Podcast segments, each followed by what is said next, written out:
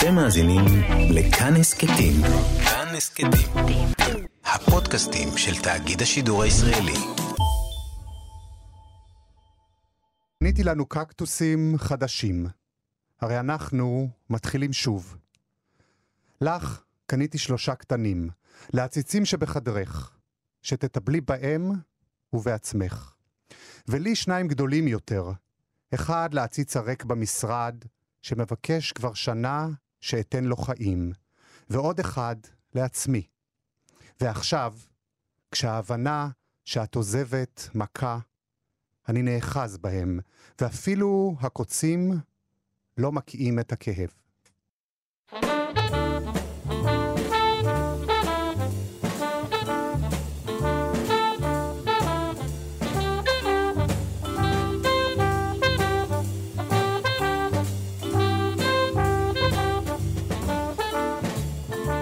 שלום, ברוכים וברוכות הבאות אה, לברית מילה, תוכנית אה, שיחה עם משוררים, אה, או חקירה עם משוררים, יש כאלה שמרגישים את זה אחרת, ומשוררות כמובן.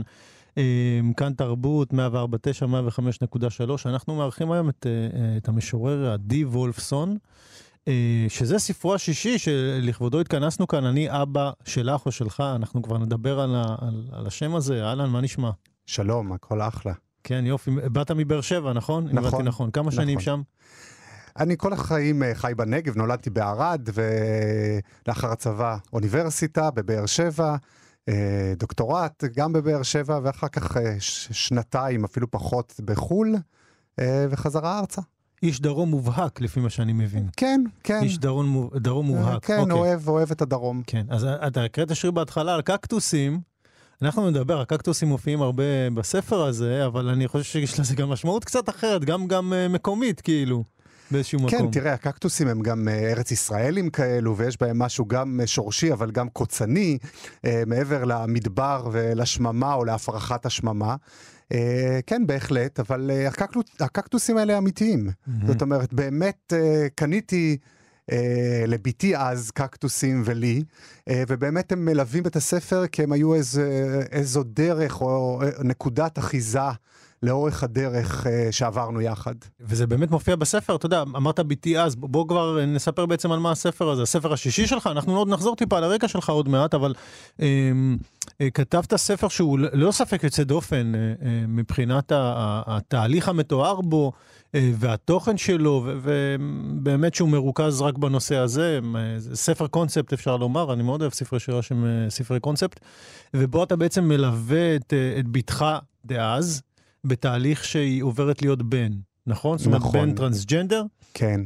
והתהליך הזה כולו בעצם אה, נחשף לנו בספר, ובעיקר התהליך שלך בעצם, התהליך שלך עובר שם? בהחלט, התהליך הוא שלי, mm-hmm. קודם כל, כן. כמובן, של בני בעיקר, אבל מלווה אותו.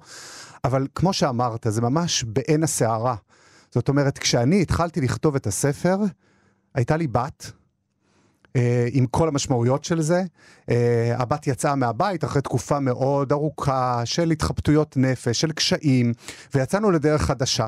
וכשהיא יצאה מהבית, אני התחלתי לכתוב, כי אני כותב שירים הרבה שנים, כתבתי לעצמי מעין יומן שירי. לא היה לי מושג מה יהיה, לא, הי, לא הייתה לי איזה כוונה לספר, לא לקונספט או לא למשהו אחר. ובאמת, תוך כדי הכתיבה, הבת שלי באה ואמרה, אני רוצה להיות הוא. Mm-hmm. אני בן. Mm-hmm. ואז כמובן שזה נכנס לתוך השירים ולתוך החיים ולתוך המחשבות והרבה הרבה שאלות שאתה שואל את עצמך כאדם קודם כל, הרבה הרבה שאלות שאתה שואל את עצמך כאבא, אה, בתוך משפחה גרעינית מורחבת יותר בחברה שלנו. והתמודדות יומיומית עם סוגיות אה, רבות, אה, חלקן אה, קשורות יותר, חלקן קשורות פחות. ואני כתבתי כל הזמן כמו איזה, לא יודע, אולי טיפול mm-hmm. לעצמי.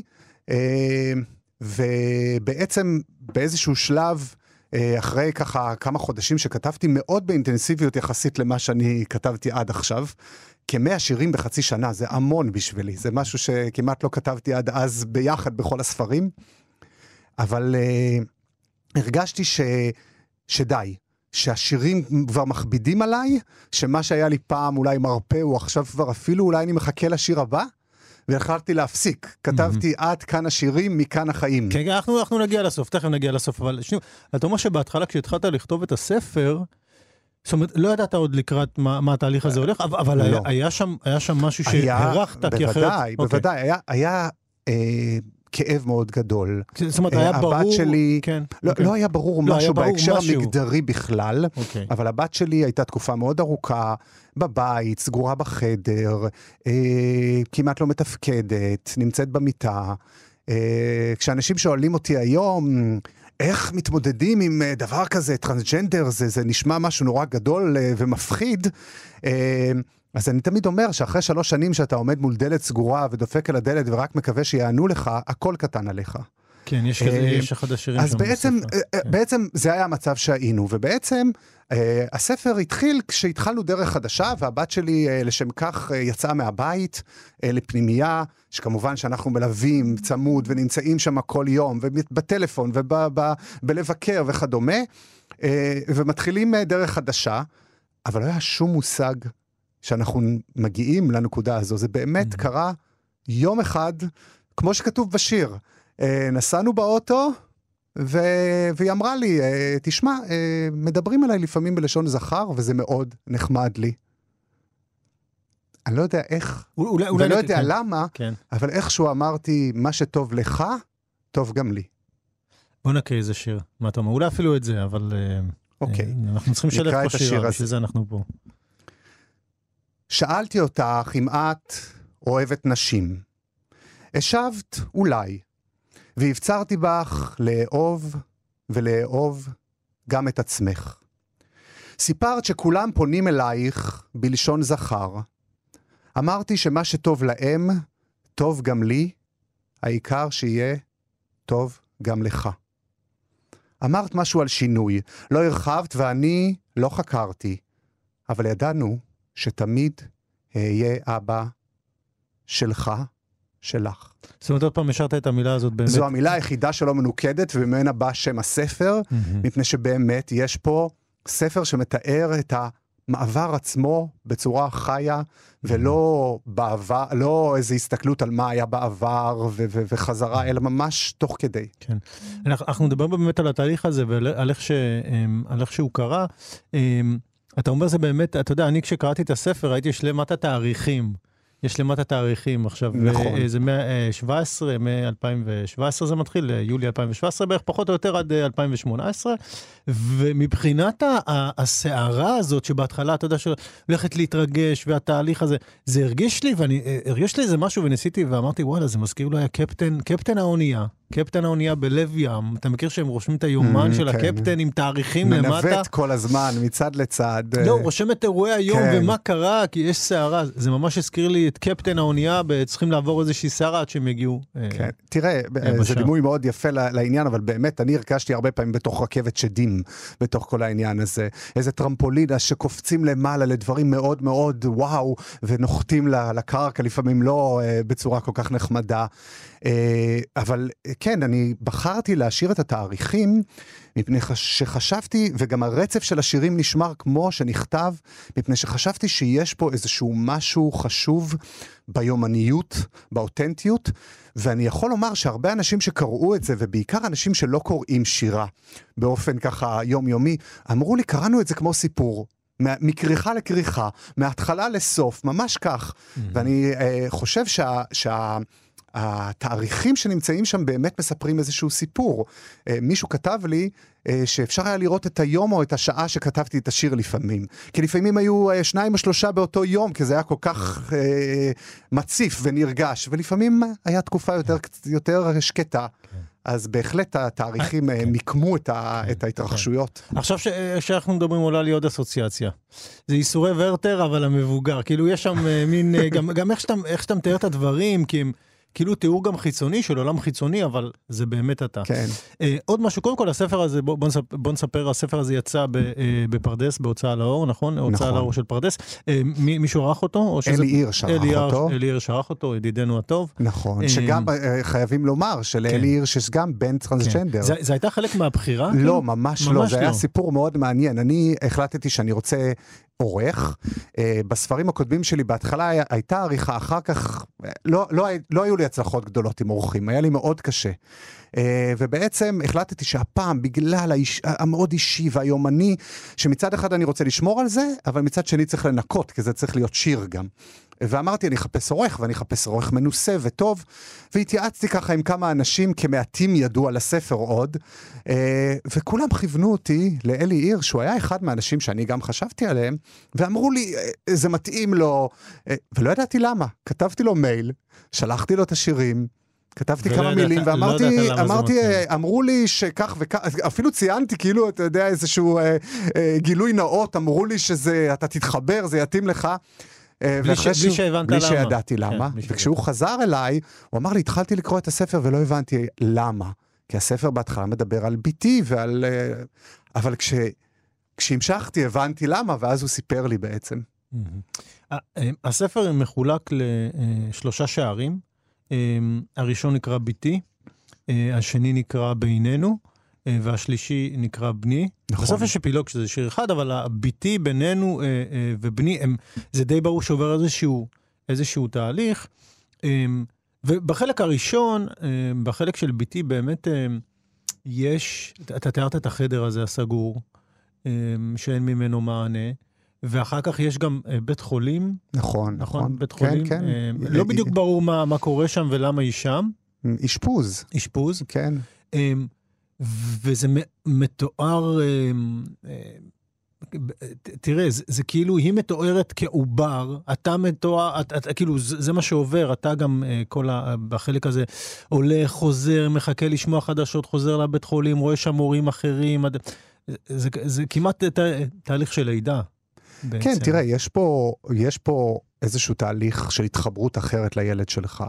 אני אה, גבר, אני לא יכול ללדת אה, פיזית, אבל אני מאמין שהילדים שלך הם גם, אה, גם אתה ילדת אותם, והחיבור שלך גם אם לא דרך חבל הטבור, הוא עדיין אה, חיבור.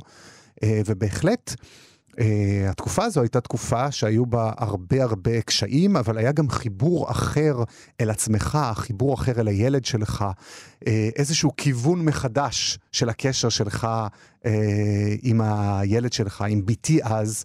Uh, כן, ובהחלט אה, כל היום היה מכוון סביב הדבר הזה. אתה ממשיך לעבוד, אתה ממשיך לעשות מה שצריך. רוב האנשים, אה, כמעט כולם לא יודעים שום דבר, אה, לא מכירים את הסערות, וזה נכון לרובנו. אנחנו לא חושפים הכל, גם בעבודה, שאנחנו מרגישים בטוחים אפילו, אבל בהחלט זה היה התהליך הראשוני שהתמודדתי איתו. דיברנו על השיר קקטוסים, באמת הקקטוס, כמו שאמרתי כבר, הוא, הוא, הוא נמצא לאורך נמצא לאורך הספר, וכמובן אה, אה, כבר בהתחלה, אה, המחשבה הזאת על משהו שהוא מצד אחד כל כך, אתה כל כך מתחבר אליו, מצד שני הקוצניות הזאת, שכל הזמן אתה משתמש בה בדרך אחרת. הקקטוסים בשבילי, כן. עוד פעם, הם היו ממש פיזיים. כן, קניתי גם... לביתי קקטוסים, קניתי גם לי. שיש לה בחדר גם, כן, שהיא אוהבת כן, לטפל בהם. קניתי, כן. והיא טיפלה בהם, ואני טיפלתי בהם כשהיא לא הייתה בבית, וקיבלתי הוראות לטפל בהם, אה, ומתו בדרך, וקנינו חדשים, וזה היה כל הזמן מין איזה התחלה חדשה, ומה שלום הקקטוסים, וזה היה איזה מין דימוי לחיים שלנו. זאת כן. אומרת, אה, גם כן. הקוצניים, גם האלו ש, אה, שצריכים לשרוד קצת, גם בלי מים וכדומה, אבל גם האלה שצומחים ופורחים, אתה יודע, כשקקטוס פורח, פורח, אה, לפעמים זה ליום אחד, אבל זה מראה מאוד מרהיב. Mm-hmm. ובעצם כן, הקקטוסים האלה היו איזשהו סמל לחיים שלנו. Mm-hmm. ולכן הם גם מופיעים הרבה, אבל הם, אני עוד פעם אומר, הם היו ממש פיזיים. זאת אומרת, אני קניתי ו- וטיפלתי, והיא והוא אחר כך טיפלו. כן, אני אומר, זה באמת סמל כל כך יפה, כמו שאתה אומר, אתה יודע, הקקטוס הוא, הוא נראה כאילו עדיף, אתה יודע, לשמור מרחק, להיזהר מהקוצים, אבל פתאום, כאילו פתאום הוא מגלה את הפריחה הזאת שבו, את ה... זה, זה כאילו מרהיב יותר מסתם פרח נכון, ש, שפורח כל הזמן. נכון, הוא מפתיע, יש איזשהו משהו. הוא אומר לך, וואלה, הוא, יש, הוא, יש הוא, בפנים רכות, וזה כן. מאוד דומה גם לחיפושים שלך עצמך. אמ, כמו שאמרנו, אתה עברת שם תהליך. בהחלט, בהחלט. תראה, קודם כל עברתי תהליך, ועדיין אני עובר תהליך כאדם. Mm-hmm. אנחנו כאנשים נולדנו, ספגנו דברים בבית, אחר כך uh, בחיים, ויש לנו uh, תפיסות שונות ודברים שאנחנו אומרים, אם יהיה כך וכך, אז אני אעשה כך וכך, ואם יהיה כך וכך, זו תחושתי, זו הרגשתי, אני בטוח. אחר כך כשאתה נהיה הורה, אז נוסף לזה עוד דברים, כי עכשיו יש חוץ ממך גם את uh, בן הזוג, המשפחה, הילדים, ואתה מוסיף לתוך החבילה הזאת, אם הילד שלי יבוא ויאמר כך וכך, אז ברור שיהיה כך וכך. אבל אתה אף פעם לא יודע עד שדברים קורים, עד שאתה צריך להתמודד איתם. ונכון, כשעומדים הדברים מולך, אה, לאורך כל הדרך, יש הרבה הרבה שאלות, התמודדויות, אה, דברים שאתה קורא, דברים שאתה חושב. ולמזלי, אני חושב שלמזלי, הכתיבה נתנה לי את המקום לזקק את הכל, אה, לשים את הכל פנימה. אני אף פעם לא הרגשתי ככה עד היום כשכתבתי שירה, וכתבתי שירים לפני זה. אף פעם לא ידעתי ששירה יכולה לתת לי כזה דבר כמו שהיה לי הפעם. כן, זה גם כתוב בספר. אה, בוא נקריא איזה שיר ונצא רגע להפסקה לשמוע קצת מוזיקה. אתה בוחר הפעם, אה, עדי. אוקיי. ניסיון ראשון. ניסיתי לכתוב לך במקום לך, וחשבתי איך העברית, מחוץ לשירים, מאפשרת לא להחליט. כתבתי אתה, ולא את. רק אות אחת הופכת עולמות. וחשבתי איך הדף מאפשר לי להסתתר. אמרתי בראש, ללא קול, אני אוהב אותך. הרגשתי בגוף, בכל תנועה, אני אוהב אותך. נשכתי את שפתיי ולחשתי, אני אוהב אותך. צעקתי בכל כוחי, אני אוהב אותך.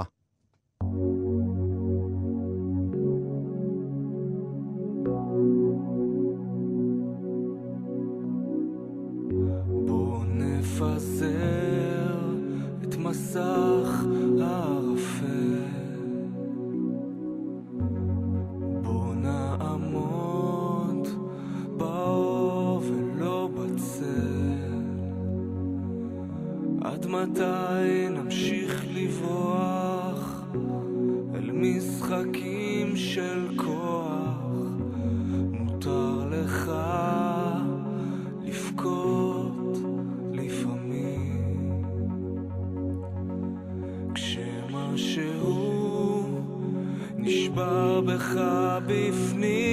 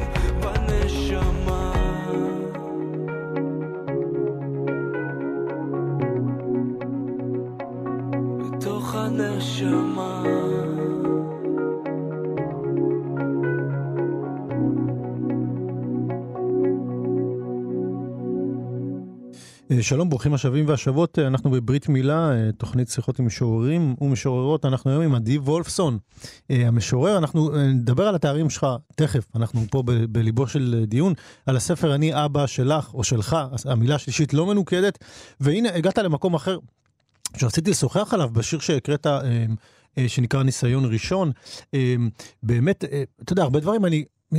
שמתי לב, הם באמת צפו בהמשך הסרט, למשל למקום של העברית. נכון. העברית היא, היא כמעט מחייבת אותך, זה כמו תרגול, זה כמו תרגול, זה ממש, אני לא יודע אם מדיטציה, אבל זה כאילו בגלל שזה משהו מאוד, אה, זה משהו של שפה, זה משהו שמאוד קשור לתפיסה.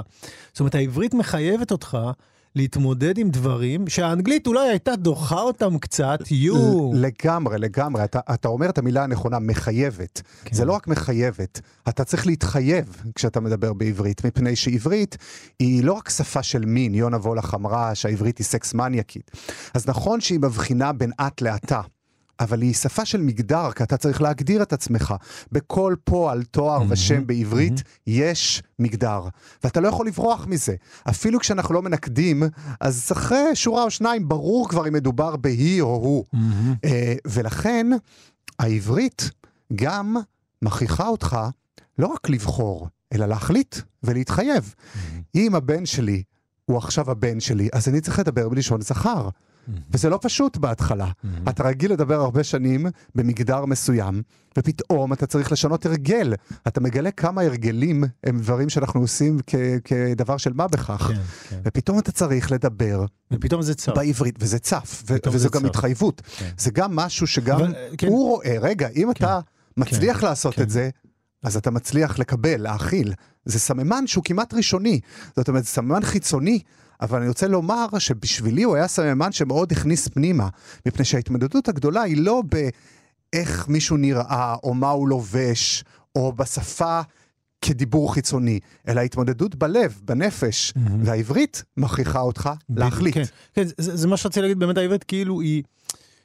אמ, זה כאילו כמו היה האתגר או הכוהן שעליך לעבור בדרך לשם. נכון, עכשיו, נכון. אמ, זה באמת מעניין, כי, ה- כי, כי השינוי הזה, אתה יודע מה, הוא קצת משקף, כן? אמ, הוא קצת משקף את מה שקורה ב, ב, בארץ שלנו, לא רציתי להיכנס לזה, אנחנו נשארים עם הספר, אבל ברור לנו שבארץ, מבחינות מסוימות, והעברית, משקפת את זה מאוד, הם, אה, השינויים האלה לא נתפסים על ידי כל הציבורים באופן אה, אה, נכון. מקובל, ואולי אני עדין.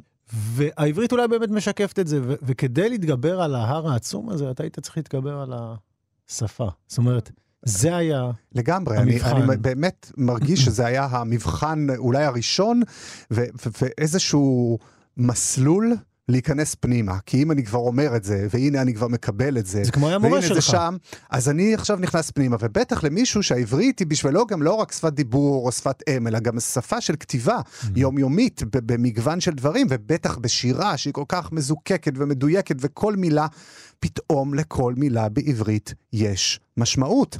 אתה אומר, הלך או הלכה, זה שני דברים שנראה לנו, אנחנו אומרים אותם יום-יום, אבל עכשיו זה לומר משהו מאוד משמעותי בשבילי. אני, אני לא זוכר באיזה שיר כתבת, אבל או- אות אחת הופכת עולמות, משהו כזה, אני צודק. כן, אה, זה היה בשיר שקראתי כאן. בשיר שקראת כאן. בניסיון את ראשון, המילה, כן. כן. אות אחת הופכת עולמות, כן, וזה במקום זה היה מאוד את ממצה. לאתה, פשוט כן, מוסיפים את כן, ההי הזו בסוף, כן. שהופכת ממגדר אחד למגדר השני, ופתאום כל העולם מתהפך. אמ, יש איזה שיר, אני- אקרא אותו בעמוד 61. אמ, באותה נקודה שבה נדמה שהבלבול בין שלך לשלך נגמר, מתחיל הבלבול שלי. זה באמת גם שיקף לי את, התפיסה כאילו כלפי חוץ וכלפי פנים. מאוד, נכון. מפני שעוד פעם, אתה עובר את משוכת השפה. היום קשה לי לדבר אל הבן שלי, כשאני מדבר בעבר ואני רוצה להגיד אה, ביתי וכדומה כדי לספר או לתאר את הסיפור, קשה לי לדבר כבר ככה.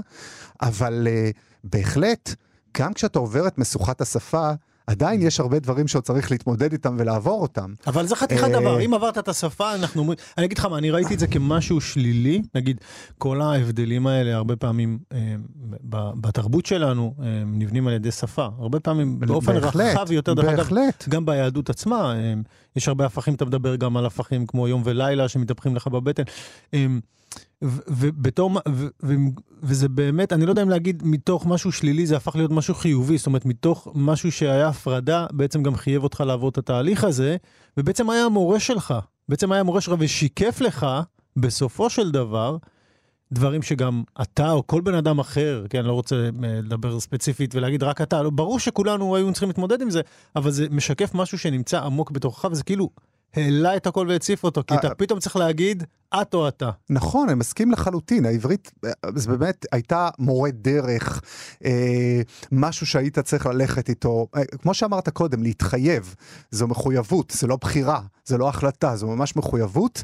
אה, ו, ועוד פעם, יש אה, קשיים מאוד גדולים כשאתה נמצא בשפה מגדרית, מצד שני נותנת לך את המתנה הזו, שבשפה אחרת היית יכול לדבר הרבה זמן בלי להחליט, בלי להתחייב, לנוע ככה עוד על אה, תחום הביניים.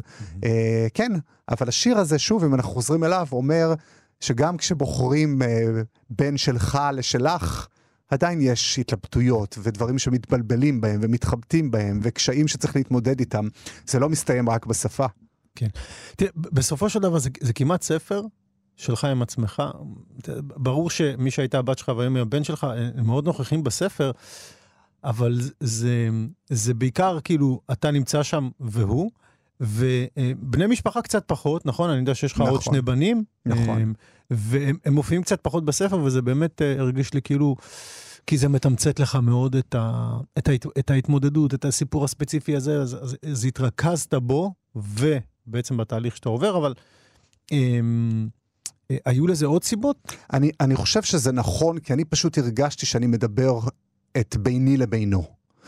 אבל אני חושב גם שאיפשהו בתת מודע בתוך כל התהליך הזה, למרות שלא היה לי שום תוכניות לפרסם את השירים אפילו, באמת שלא, משורר רוצה שיקראו את שיריו, ואני והוצאת פרסמתי ספרים כן. לפני, זה לא שזה, ו, אבל לא, לא חשבתי, כי חשבתי פה, אני מספר סיפור שהוא חשוף כל כך לא רק שלי, של הבן שלי, של המשפחה, ואני חושב שבאיזשהו מקום ההתמקדות של ביני לבינו הייתה כדי לשמור על כולם, להוציא אותם מהמשחק הזה. זאת אומרת, אתם לא חייבים ללכת במסלול הזה שאני בחרתי לכתוב את הדברים. אני לא יכול להכריח גם אתכם אה, לתוך הדבר הזה, אני לא יכול לדבר אתכם. אה, זה לא שרעייתי והילדים אה, לא מתמודדים, אנחנו מתמודדים יחד בהרבה דברים. ברור, אני מכיר, אנחנו מדברים על זה, אבל ב- בשיח הזה שלי עם עצמי בעצם, אני משאיר את עצמי פה, אני מדבר כן. עליי. אגב, דיברנו על העברית, רציתי לקפוץ משם, גם הזכרנו קצת דברים שקשורים בעברית וביהדות ובתפיסה שמאוד מבדילה בין דברים, וגם בספר מופיעים, למשל, שיר השירים מוזכר שם, את- יש שיר על הר, הר נבו, אתה, אתה אומר, אתה, אתה אומר עומד כמו בעצם... נבו בכניסה כן. ל- ל- בתחילת התהליך, כן, כן, יש את אבן הטועים, אה, כן, בדיוק, בדיוק, יש אה, שם מי כמה... שמאמין כן, מפחד. כן, כן. עכשיו, זאת אומרת, הזכרים, אה, הקשרים דתיים שאתה הופך אותם. נכון. אתה הופך אותם, גם בשיר השירים אני זוכר, אה, שקראתי את השיר, ואני זכרתי תמיד שבשיר השירים, אה, כאילו דחקו אותנו מהר מאוד לפרשנות ה- הדתית, זה בעצם אה, שיח בין אה, עם ישראל והקדוש ברוך הוא, ואתה כאילו אה, בשיר אה, אה, עשית הפוך, כאילו, אה, לשים את זה, אולי אנחנו נקרא איזה שיר, ובאמת עניין אותי, אני אגיד כבר את השאלה, האם ההקשרים הדתיים האלה מופיעים במקרה או לא? תראה, אני לא אדם דתי, מאוד רחוק מזה אפילו. אה, גדלתי בבית שהוא לא בית אה, דתי, אה, לא קראתי את התורה כל יום, אבל גדלתי במדינה שלומדים, שומעים, קוראים שירה וקוראים ספרות שיש בה הרבה הקשרים כאלה, והשפה המקראית וההקשרים או הרמיזות האלו הם דברים שכמובן קיימים, וכשאני כותב על נבו, אז אני, זה לא כדרך אגב, גם אם זה בא אל השיר כדרך אגב, אבל יש לזה משמעות, ברור מה המשמעות בזה, וכשאני משתמש למשל באבן הטועים, בהפוך על הפוך על אותה כן, אבן, כן, אולי נקרא שהיו זה, כאלה כן. שבאו ו- אה, להכריז בה ואחרים שבאו ככה לקחת, אז אני בעצם אה, משתמש בזה בצורה באופן מאוד מודע, מודעת. אתה- אומר, אוקיי, אני עושה פה פרשנות כן, חדשה. היו מקומות שהצורה הייתה מודעת מאוד, למשל באבן הטועים, והיו מקומות שזה חלק מהשפה שלי, זה חלק מהיום-יום שלי, אז זה, זה נכנס אל השיר. אבל למשל באותו מקום של מי שמאמין אה, לא מפחד, השיר שכבר כולנו מכירים, אה, אני חשבתי שמי שמאמין ממש מפחד. כן, לא, אני אה, בכלל אה, אה, הגנבת אותי שהתייחסת פה לשיר כל כך פופולרי, אבל בוא נקרא שנייה את אבן הטועים, אנחנו אה, ניתן קצת התייחסות למה שאנחנו מדברים עליו. אבן הטועים. לך לך לאבן הטועים, לעמוד ולהכריז כי אבדת. ותן סימנים להולכים ולבאים, וידעו שגם כשמצאת, רעדת. ונטלת את עצמך לעיני כל הרואים מעצמך, ועמדת. כמו שאתה, לנוכח אלוהים, ופנית משם ונפרדת. יש את השתי שורות שמסבירות בעצם את הקונטקסט. אה, את זה לא קראתי. כן, כן. אז בואו בוא נגיד אותם, אבן הטועים, כל מי שעבדה לו אבדה נפנה לשם, וכל מי שמוצא אבדה נפנה לשם, זה עומד ומכריז, וזה עומד ונותן סימנים ונוטלה, ו- ובאמת יש שם איזושהי פרשנות אחרת. תשמע, אני אוהב את זה, אני חושב שזה כאילו כמעט הכרחי הרבה פעמים לתת פרשנויות אחרות, כי גם מלמדות אותנו שבעצם ה- ה- האמת היא, היא גם מה שאנחנו בעצם אה, מחליטים לחלץ, ואם מישהו ירצה לחלץ אמת שהיא לא כל כך משהו, הוא יצליח, אז יש לנו הרבה פעמים חובה או מחויבות לחזור אל הטקסטים ולהראות שזה לא באמת... אה, כן, אני, אני. מסכים, יש, אה, הפרשנות היא, היא לאו דווקא מנוגדת למה שמקובל, היא מוסיפה עוד היבט, היא מוסיפה עוד נתיב שאפשר להסתכל. לפעמים הוא משלים, לפעמים הוא מנוגד, אבל בעצם אני לקחתי את אותו מקום הזה, שהוא מדהים בעיניי, אה, יש שיר של טט כרמי על אבן הטועים, שאני אה, זוכר אותו ומאוד אוהב אותו, ולקחתי את המקום הזה, ואמרתי, רגע, אותו אחד שאיבד, גם בא להכריז קיבלתי, זכיתי, זאת אומרת, היה, זה היה איזה, בעצם המעבר הזה בין אה, הייתי בת להפכתי בן, המקום הזה הפך להיות הנקודה הזו שפה, הנה אני מכריז על אבדה והנה אני בא ואני אוסף אה, ומצאתי משהו אחר. להכניס טרנג'נדיות לשם זה, זה, זה, זה מהפכני, זה אדיר וזה יפה. תודה, אני, זה, כן, תראה, זה, ב- בעיניי, זה לא היה העניין הזה של באמת להכרי, להכניס טרנסג'נדריות, זה לא הייתה, לא, לא, לא הייתה מחשבה כשכתבתי את זה, אני מבין למה אתה מתכוון שאתה אומר עכשיו, בטח נוכח ה, ה, התפיסות החברתיות, וה, אבל זה באמת היה לקחת את הנקודה הזו, יש בו איזשהו מקום, מכריזים בו על אבדה, מכריזים, אה, מישהו מוצא, מישהו אה, מקבל, ואמרתי, וואו, זה, לפעמים אתה יכול להיות גם המוצא וגם המקבל, כן. אתה יכול לעמוד באותה נקודה כן. ולהיות שני הצדדים. עוד שיר עם קונטקסט כזה, אה, עמוד 45, ויום אחר יום אני בעקבותייך, בשוכבי ובקומי, בלכתך ובשובך. אני מצמצם מרחקים, מרחיב אפשרויות, מדייק את מה שבינינו. אה, בשוכבי ובקומי, תשמע, זה כבר אה, ארטקור, זה ממש... אה, כן, תראה, אני... כי, אה, כי זה, דרך אגב, זה גם אה, אה, אה, בזכר מוזכר שם, לא משנה, אבל זה של לבוא ולהגיד, הנה, כן, זה כן, והגית בו יומם ולילה, זה עד הסוף, כל זה עד. הסוף, כן. כן, תשמע, אני הרגשתי שיש לי פה מחויבות אמיתית אה, לילד שלי. בכל מה שהוא עובר, בכל מה שהוא עושה. ואני שם בשבילו. אה, אבא לכל דבר, וזה מה שהרגשתי, זה, זה, Mhm. אלה הדברים שכתבתי, אלה Mhm. דברים שנכתבו באמת מתוך, מצד אחד אולי סערה, ומצד שני משהו מאוד בסיסי, קמאי, ברור של מי אני, מה אני, מה אני רוצה להיות, מה המשמעויות, לא איזה משהו מתייפייף, לא איזשהו משהו שיקראו את זה ויגידו וואי איזה יופי.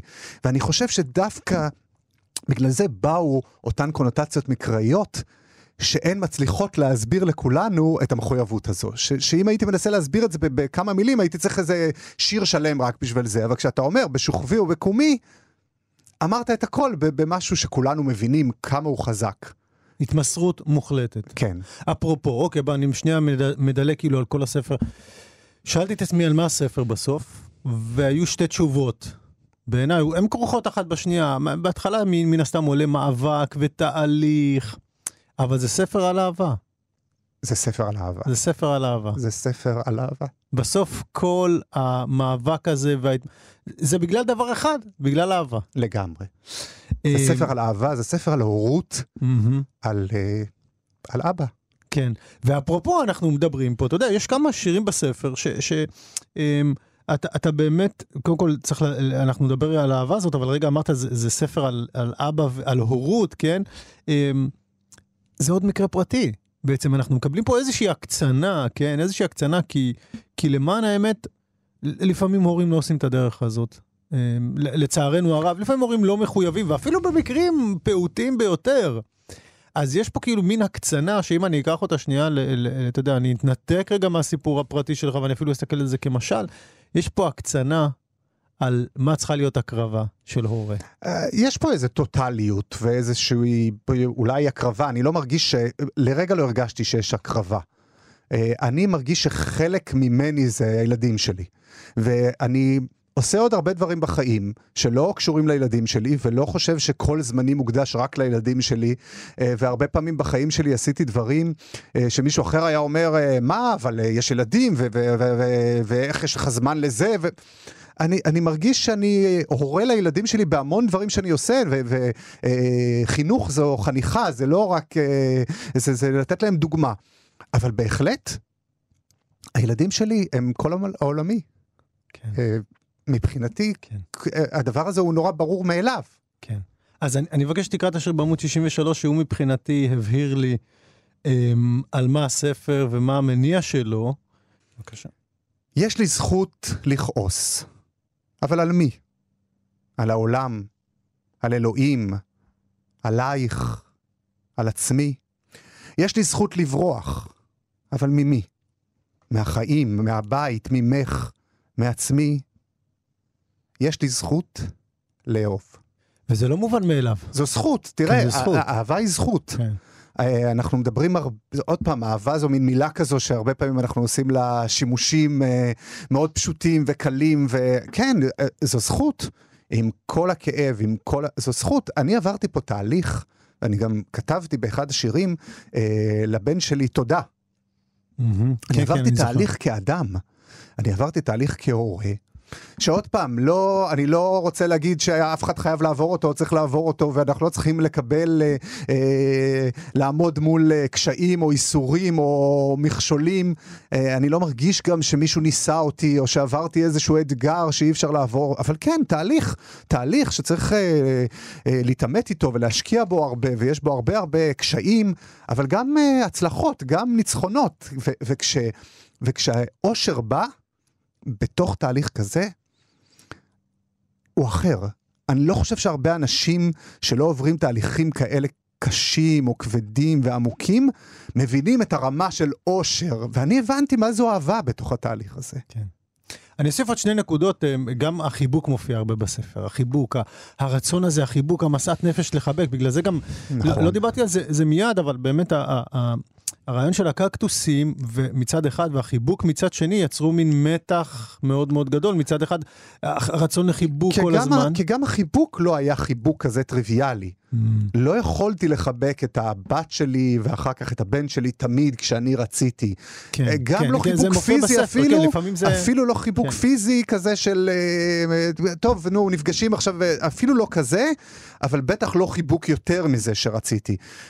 הייתי צריך ללמוד לחבק אחרת, הוא היה צריך ללמוד להתחבק ולחבק אחרת. מצד שני, היו חיבוקים כאלה חזקים וכאלה טובים, שידעתי, עוד פעם, לאו דווקא פיזיים, אבל ידעתי שהוא יודע שאני שם בשבילו לכל דבר. הרגשתי את זה, ידעתי שהוא יודע. זו הייתה, הרגשתי את האהבה, זה, זה לא היה רק מצד אחד. אה, ולכן החיבוקים האלו היו אה, מאוד מהותיים. אז אנחנו חייבים לקרוא איזה שיר עם חיבוק. אני אקריא איזה שיר קצר שלך, בעמוד 51 אתה כותב, אבא זה לכל החיים. עכשיו, אפשר לקרוא את זה כפשוטו, אבא זה לכל החיים, כן, אבא זה, אין... אבל אה, אבא זה לכל החיים, כאילו, גם בשביל, בשביל החיים, נכון. אה, דיברת כאילו- קודם קצת על לידה, ודיברת קצת, והחיבוק הזה שהוא גם כן. איזשהו משהו שמקרב אלינו, ואז משחרר, נותן איזה כוח. כן, כן, שלכל אני... דבר חי יש איזשהו אבא או אני, או אני אימא, אוהב אבל... את הפרשנות הזו שהיא מעבר לפיזית, אה, מישהו הוליד אותך אז הוא אבא, לא משנה מה יקרה, ומעבר אפילו לעניין הזה שאנחנו רגילים להגיד, טוב, אני ההורה שלך כל הזמן, או זה לכל החיים, איזה מין ביטוי כזה, כן, יש משהו שנותן חיים גם בקשר הזה, באהבה הזו, משהו שהוא כל הזמן מחיה, לשני הצדדים, אני חוזר ואומר, לשני הצדדים, אה, משהו שמאוד מאוד אה, נותן חיים. אמ, אז בוא נקרא איזה שיר ונצא לשמוע קצת מוזיקה, מה אתה אומר? אמ, אה, אני רוצה לקרוא שיר אה, שנקרא ככה. בבקשה. רציתי לצעוק, לשורר, להלל, להוציא את האמת מאיתנו אל האור, שכולם ישמעו שהעולם לא עמד מלכת, והזמן המשיך לצעוד כהרגלו, והאהבה נותרה בעינה, ואם לדייק, אפילו היטיבה עמנו, דיברה וחיבקה, ורציתי לחלוק אותה עם העולם כולו, בדיוק ככה.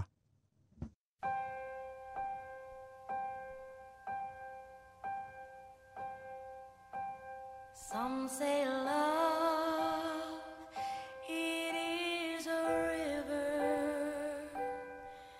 that drowns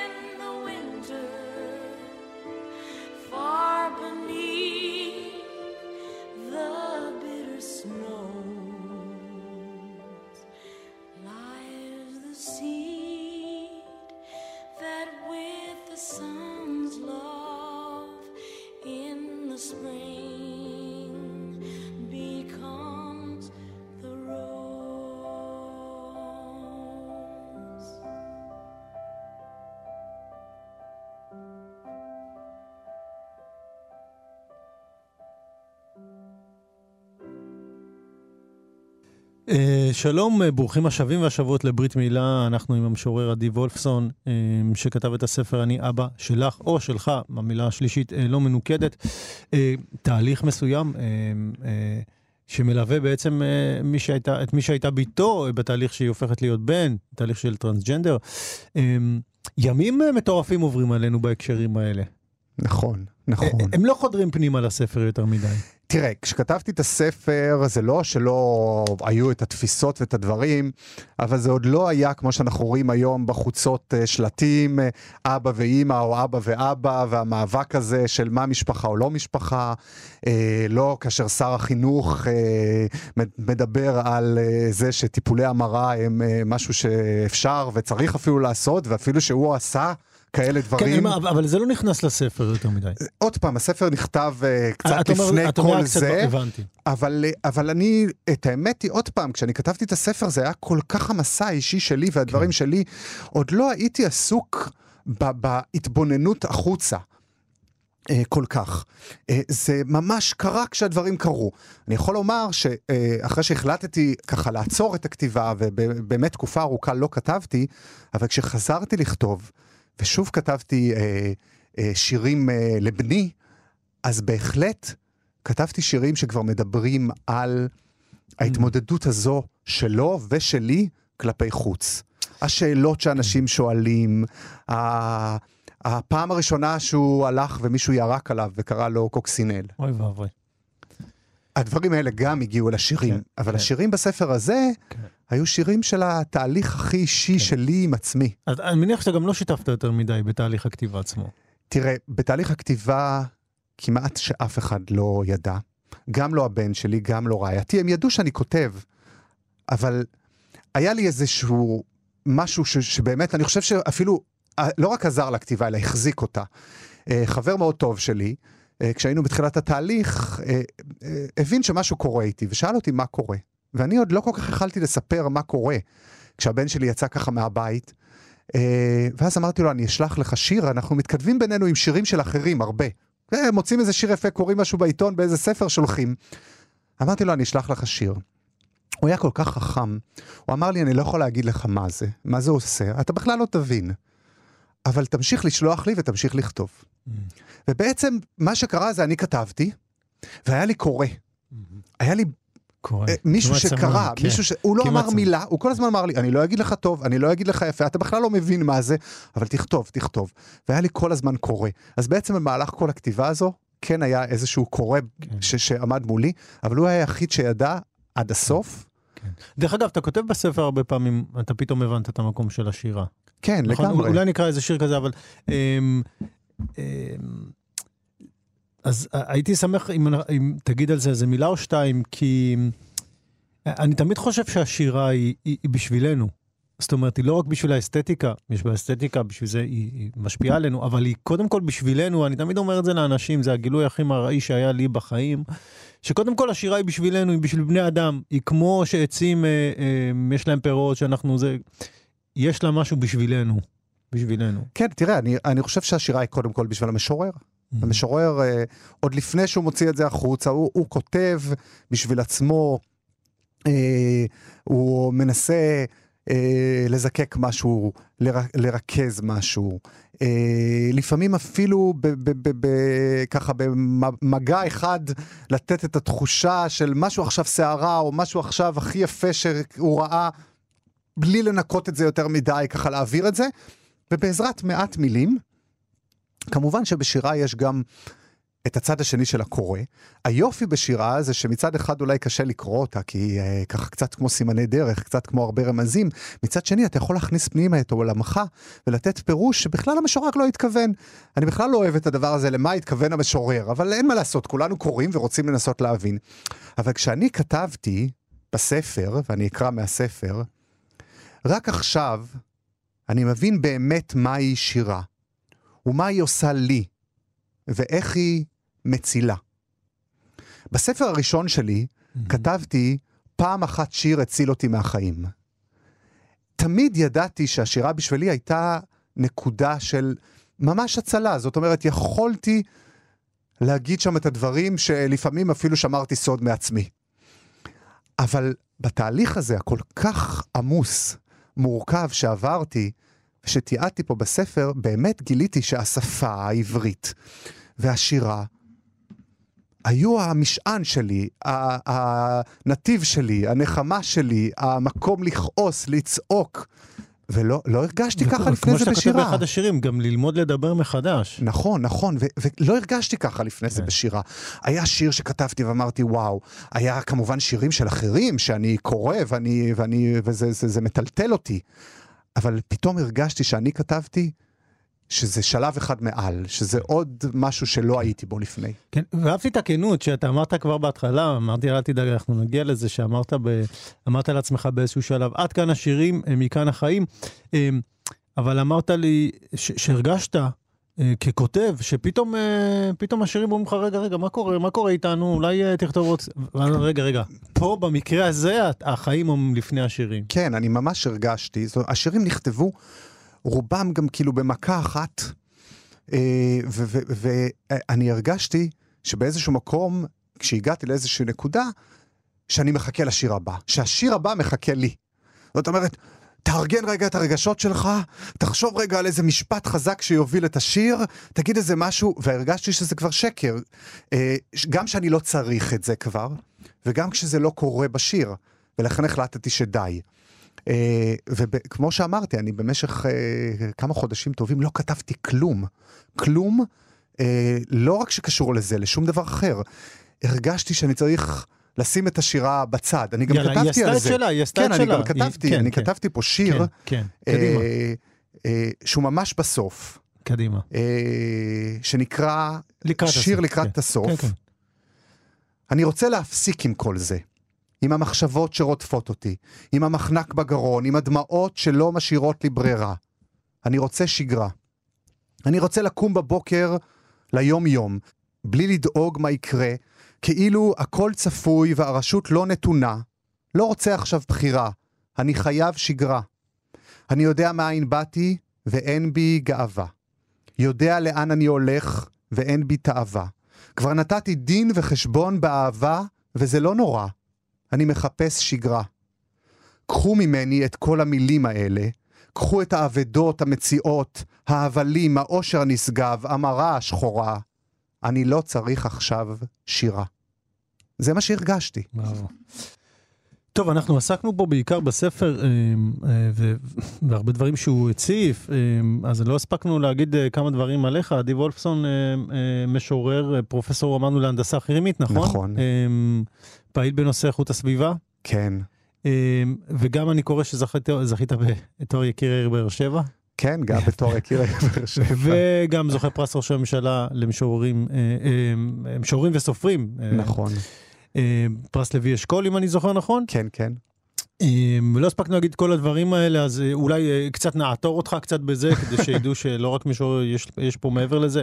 אתה יודע, אנחנו, אני בדרך כלל לא אומר דברים כאלה, אבל אולי, אולי בגלל החשיבות של הנושא הייתי אומר, אוקיי, אנחנו אולי עכשיו מאזינים אותנו. עברת תהליך, תיעדת אותו. אמ, יש לך אולי משהו להגיד להורים? כי, כי, כי כמו שאנחנו יודעים, ההתחבטות ש, של, של הבן שלך הייתה מאוד מאוד קשה. זה קשה, נכון, זה קשה, זה נכון. קשה, זה הופך חיים, לא משנה אם אתה בטוח או לא בטוח, זה מסע. לגמרי. יש זמנים, אולי היום בעזרת השם זה אה, יותר קל, יכול להיות שפעם זה היה יותר קשה, זה לא משנה, זה עדיין תהליך מאוד קשה, אבל גם התהליך של ההורים הוא לא פשוט. נכון. הוא לא פשוט. תראה, אולי, אולי אתה רוצה לנצל את זה אני- ולהגיד אני משהו להורים כ- שנמצאים בצמתים. האלה. אחת, בבקשה. שבעצם ההחלטה להוציא את הספר הייתה כשהבן שלי קרא את השירים והתקשר ואמר לי, אבא, אתה צריך לפרסם אותו בשביל ילד, ילדה אחר, אחרת, בשביל אבא אחר. במילים האלו. מהמם. ואני הרגשתי שהוא נותן לי משימה גם. שזה כבר לא רק... הוא, הוא נותן לי משימה, ולקחתי את המשימה. בגלל זה הוצאתי את הספר. אני מתראיין על הספר ומדבר ופותח את הדברים. אני כותב על זה, אה, גם בפייסבוק, גם בטורים בוויינט. וגיליתי שמהיום שהוצאתי את הספר, ועברו רק כמה חודשים, ולשמחתי הרבה אנשים קנו וקראו, הספר כבר מכר את ההדפסה הראשונה. הספר בימים אלה אה, מתפרסם בהוצאה בארצות הברית, תורגם לאנגלית וממש עכשיו הוא נמכר בהוצאה אה, אמריקאית. וכל הדרך אני מקבל הודעות. בפייסבוק, במייל, בוואטסאפ, טלפונים, מהמם. תשמע, כתבת אותי, תשמע, כל כך עזרת לי, אפשר לדבר איתך, אפשר להתייעץ. אה, אני לא כתבתי את הספר הזה לא בשם בני ולא בשם אף טרנסג'נדר. לא כתבתי אותו בשם הורים של טרנסג'נדרים. כתבתי אותו בשמי. אבל כן, אני שמח שיש לי את הזכות לתת את המקום הזה, את הפתח הזה, אה, וכשפותחים את הלב, הלב נפתח גם אצל אחרים. ואני יכול לומר להורים אה, שכשהילד שלהם בא ואומר, יש לי התלבטויות, או החלטתי, חבקו אותו קודם. אחר כך תעברו את כל השאלות, את כל, ה... את כל המכשולים, את, את הסוגיות, ויש מה לברר, וצריך לברר, וצריך לעשות תהליך. זה תהליך שלו, זה תהליך שלכם, זה תהליך ביחד. אני, בשבחי התהליך, אני אומר, זה חשוב לעשות תהליך, זה לא זבנג וגמרנו. יש הרבה דברים לברר בינך לבין עצמך, בינו לבינו, אבל חבקו אותו. אה, תנו לו להיות מישהו. אז תודה על המילים החשובות. עם איזה שיר אנחנו נסיים? אתה רוצה עם האפילוג, או שאנחנו נבחר שיר אחר? אתה תבחר. מה יהיה עלינו, ילד? רק התחלנו במסע, ואני כבר משתוקק לסופו. חסר סבלנות כהרגלי, קמה שתבוא אליי חדש ושלם, כמו שרצית לבוא, שתחבק אותי אליך. מה יהיה עליך, ילד? אני משנן את הפרטים שלימדת אותי, שקראתי שוב ושוב, שחזרו ואמרו כולם, את לוח הזמנים, השינויים, הפחדים. אולי כך יהיה לי קל יותר. מה יהיה? החלומות ימצאו צורה וגוף שונים. החיים יחזרו למסלולם, כאילו יש דבר כזה חיים רגילים, ילד רגיל, אבא רגיל. ואני, שעד עתה הייתי אב לשני בנים ובת, אהיה מעתה אב לשלושה בנים. בראבו. עדי וולפסון, תודה רבה שבאת. תודה אה, רבה רבה. שמחתי לארח אותך, אנחנו נגיד תודה גם לעורך שלנו, נדב אלפרין, אה, כאן תרבות, תוכנית ברית מילה. ביי ביי.